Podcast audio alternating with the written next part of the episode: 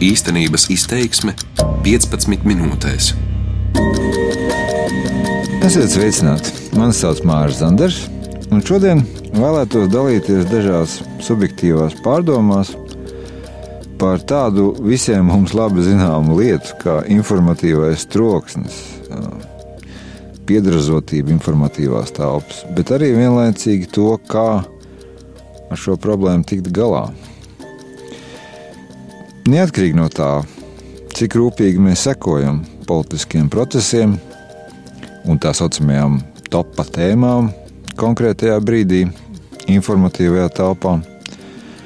Es domāju, ka vairumam no mums ir pazīstama sajūta, ka politiķi un arī komentētāji nodarbojas ar muļķībām. Vai, ja izsakāmies saudzīgāk, ka viņi tērē daudz laika un enerģijas, jautājumiem, kas nav tā vērti. Piemēram, Saima aizvadītajā nedēļā, proti, 25. aprīlī, ilgi un kaismīgi strīdējās par to, cik tieši stundas drīkst strādāt ārzemju studenti Latvijā. Un es pat neatceros, vairs, kas tika netika piesaukt šajā lietā, bet man šķiet, ka visaugstākās matērijas. Vai atcerēsimies kādus vārdu plūdus vairāk kārtīgi, ir izraisījuši saimā dažādi ar medībām saistīti jautājumi. Vispirms gan jāsaka, ka šāda parādība ir sastopama visās valstīs. Mans tāds iecienītākais, chronoloģiski pēdējais gadījums saistās ar Filipīnām, kur šī gada martā Šīs valsts prezidents Rodrigo Duterte paziņoja, ka vajadzētu ne vairāk, ne mazāk mainīt valsts nosaukumu. Jo pašreizējais, redziet, saistoties ar Spāņu 16. gadsimta karali Filipu, vajadzētu kaut ko vairāk vietējā kultūrā sakņot. Un Duterte piedāvā tātad Filipīnu vietā nosaukumu Maharlika – kas malajiešu valodā asociējoties ar jēdzieniem cēls dišciltīgs. Nu, un ir sākusies karsta diskusija, kurā valsts vadītāji oponenti apgalvo, ka Maharlika patiesībā saistās ar sanskritu un jēdzienu spējīgs cilvēks, un vēl citi saka, ka patiesībā šis vārds spējīgs cilvēks drīzāk tulkojams kā Es ļoti atvainojos, kā lielais penis. Rodas likumsakrīgs jautājums, vai tiešām Filipīnās nav svarīgāka problēma. Savukārt Šveicē pērnā gada novembrī notika kārtējais referendums, un papildus jautājumam par to, kas ir primāri Šveicē, pašas Šveices vai Eiropas Savienības likumi, Vēlētāji tika aicināti izteikt savu viedokli arī par to, ko darīt ar govju un kazu ragiem Šveicē. Apzāģēt vai atstāt kā ir. Es personīgi visnotaļ nopietni un ar simpātijām izturos pret dzīvnieku tiesību tēmu, bet neesmu pārliecināts, ka šīs tēmas iegūst, ja ļauj tās izlemt politiķiem, kampaņot par tām nu, vai atklāt sakot, iesaistītajā samērā garlaikot publiku, kur tāpat neko daudz no tā nesaprot. Tomēr būtiski atzīmēt, ka ir arī jautājumi, kas vietējo kontekstu nezinošos cilvēkos gan arī automātiski izraisa tātad līdzīgu neizpratnes reakciju, ko var formulēt, nu, vai tiešām nav nekā svarīgāk, bet kas tomēr konkrētai kopienai, valstī, tautai ir būtiski. Piemēram, Spānijas sociālisti, gatavojoties 28. aprīlī notikušajām parlamentu vēlēšanām, kā būtisku savas programmas sastāvdaļu atzīmē ģenerāļa Franko mirstīgo atlieku pārabedīšanu. Nu, atgādināšu, kas nezina, ka šobrīd Franko ir apbedīts veselā tādā kompleksā netālu no Madrides. Francisko Franko nomira 1975. gadā, Um, un viņa izveidotā režīma, samērā tāda autoritāra režīma, nedemokrātiska, pārēja uz demokrātisku, notika mierīgi, salīdzinoši un arī tā organiski. Par Franko režīmu un pilsoņu karu Spānijā ir publicēti daudzi labi, turklāt vairumā gadījumu kritiski attiecībā uz Franko pētījumi, Un varētu likties, vai tiešām ir tik būtiski, kurš šis cilvēks Franko ir abadīts. Ka par to joprojām ir asi jādiskutē. Vai tā nav tāda politiska, teiksim, ņemšanās, piedodiet. Tomēr, acīm redzot, Spānijas sabiedrībai Franko režīma posms tās vēsturē ir joprojām sāpīga tēma, un Spāņiem, lūk, Franko pīšļu atrašanās vieta neliekas formalitāte. Kad Meksikas jaunievēlētais prezidents arī nesen, šā gada martā, oficiāli pieprasīja Spānijai un Vatikānam atvainoties par vietējām tautām pirms 500 gadiem nodarīto, no malas vērotāji, kā saka, pirmā reakcija, tu skaitā mana, bija, vai tiešām Meksika ir jau tikusi galā ar, piemēram, migrācijas un noziedzības problēmām. Vai tad tā kaut kā ir pagūs nokārtot saspīlētās attiecības ar Trumpa valdību, ja nu var pievērsties konkistadoru laikiem. Un tās aizdomas ir tādas, ka laikam taču šis prezidents Obradors ir sapratis, ka nespējas izpildīt priekšvēlēšana solījumus, un nu šādi vēršoties konkistadoru laika lietās, novērš sabiedrības uzmanību. No otras puses, tikai paši meksikāņi var pateikt, cik šī koloniālisma pirmsākuma tēma viņiem ir būtiska.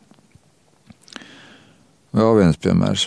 Ja politiķis publiski paziņo, ka kokaīnu viņa valstī speciāli ieved komunisti, principā nebūtu iemesls šūmēties, jo ko tik politiķi nepasaka. Un tādēļ viņu izteikumiem nav jākļūst par, kā saka, karsto ziņu. No otras puses, ja apgalvojuma autors ir Brazīlijas jaunais izglītības ministrs, nu tad šāds apgalvojums iegūst citu svaru. Piemēru uzskaitījumu varētu turpināt, bet tas nemaina lietas būtību. Mana tēze ir divdaļīga. Jā, informatīvā telpa šodienas pasaulē ir piedražota. Te liela nopelni, nopelns liekot pēdiņās, protams, ir politiķiem, kuri slēpj savu ideju un reālu darba trūkumu ar kņadu par otršķirīgiem jautājumiem. Jāatzīst gan, ka nebūtu korekti šeit visu pierakstīt tikai politiķiem, bet par to šoreiz ne.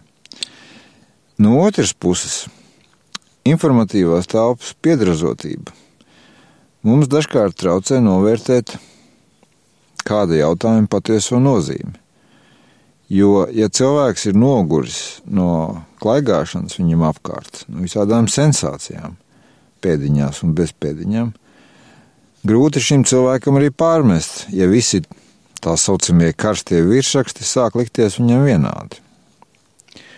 Un līdz ar to jautājums ir, vai mēs tomēr varam mēģināt kaut kā izdalīt tēmas, nu, plašā nozīmē, tēmas, kuru gadījumā informācijas lietotājam, mierīgiem civiliedzīvotājam ir vērts savu noraidošo attieksmi, ar ko es domāju, ap cik daudz no mums saskarās. Es ziņas nelasu, es televizoru neskatos un tā tālāk. Šo savu noraidošo attieksmi piebremzēt kaut uz mirkli. Manuprāt, viena no tādām tēmām ir ekoloģija, plašā nozīmē. Pat ne tik daudz klimata izmaiņas, bet tieši ekoloģija kopumā. Protams, jāatzīst, ka arī šajā tēmu lokā ir neganti pastrādāts ar biedējošiem virsrakstiem, kurus daudz no mums vairs neuztver nopietni. Jā, jā, visi ir slikti, visi iet uz galu, kārtējo reizi, nu, pazīstama reakcija. Turklāt ir grūti pat ko nosodīt. Un tomēr samērā nesens virsraksts vai ziņa 40 vienam procentam kukaiņu sugu samazinās biomasa. Nu, un nu, kopējais kukaiņu biomasas ikgadējais samazinājums ir 2,5%. Nu, un nav jau ne? Un man kukaiņi vispār nepatīk. Un vispār labāk būtu domājuši par kaut ko svarīgāku. Labi, Tikai neaizmirsīsim, cik daudzām no mums labāk saprotamām un tīkamām sugām kukaiņi ir galvenā barība. Līdz ar to es gribu teikt, šajā ziņā nav lētas sensācijas, un ka tā nav bezjēdzīga ziņa. Runa ir par to, kas ietekmē, teiksim, putnus, ko jau nu gan mēs pamanām, par to, kas ietekmē, teiksim, augu aputeksnēšanu. Nav kukaiņu, nav puķu. Citiem vārdiem sakot, ekoloģijas gadījumā nav tēma, par kurām varētu teikt, ka tā ir atvainojos kārtējā muldēšana, kas nav jāņem vērā. Otrs šāda tēma lokus ir reliģija. Varbūt mazliet negaidīta, bet jā, manā skatījumā reliģija plašā nozīmē. Mēs varam teikt, ka dzīvojam patēriņa sabiedrības laikmetā. Un tā būs taisnība. Mēs varam teikt, ka dzīvojam nepieredzētu zinātnisku un tehnoloģisku atklājumu laikmetā, un arī tā būs taisnība. Mums pašiem liekas, ka šis ir sekulārs, postsekulārs, cīnisks, pragmatisks un neskāds vēl laikmets. Tomēr atļaušos apgalvot, ka nepietiekoši novērtēts ir tas, cik daudz ļoti daudziem cilvēkiem. Es negribu spekulēt par skaitu, bet manuprāt, tie nav runa pat par simtiem miljonu, bet par nu, dažiem miljardiem cilvēku. Cik daudziem joprojām svarīgi ir viņu reliģiskie priekšstati. Reliģija nekur nav pazudusi, atmirusi, marginalizējusies. Cita lieta, ka šobrīd šī teksta kontekstā ir bezjēdzīgi diskutēt par to, vai tas ir labi vai slikti, jo galu galā tas atkarīgs no katra skatu punkta. Bet skaidrs ir tas, ka visvienkāršākais reliģijas vietu 21. gadsimtā reducēt uz slikto, kas tās vārdā tiek darīts. Nu, terorākti, skandāli katoļu baznīcā UTT. Bet ar to reliģijas vieta netiek izsmelta.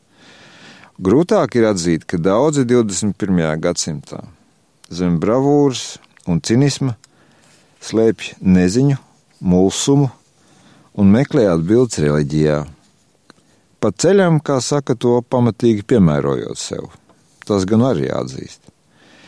Jebkurā gadījumā cilvēki var nepiedalīties rituālos, vispār neuzskatīt sevi par reliģioziem, bet kaut kur pašidentifikācijas dziļumos reliģijai, kā nu kurš to saprot, ir tik liela nozīme, ka es personīgi reliģiskās izpausmes un priekšstatus skarošās ziņas neuztvertu kā vienu no tēmām vienā rindā ar skandāliem politikā, biznesā vai sportā vienalga.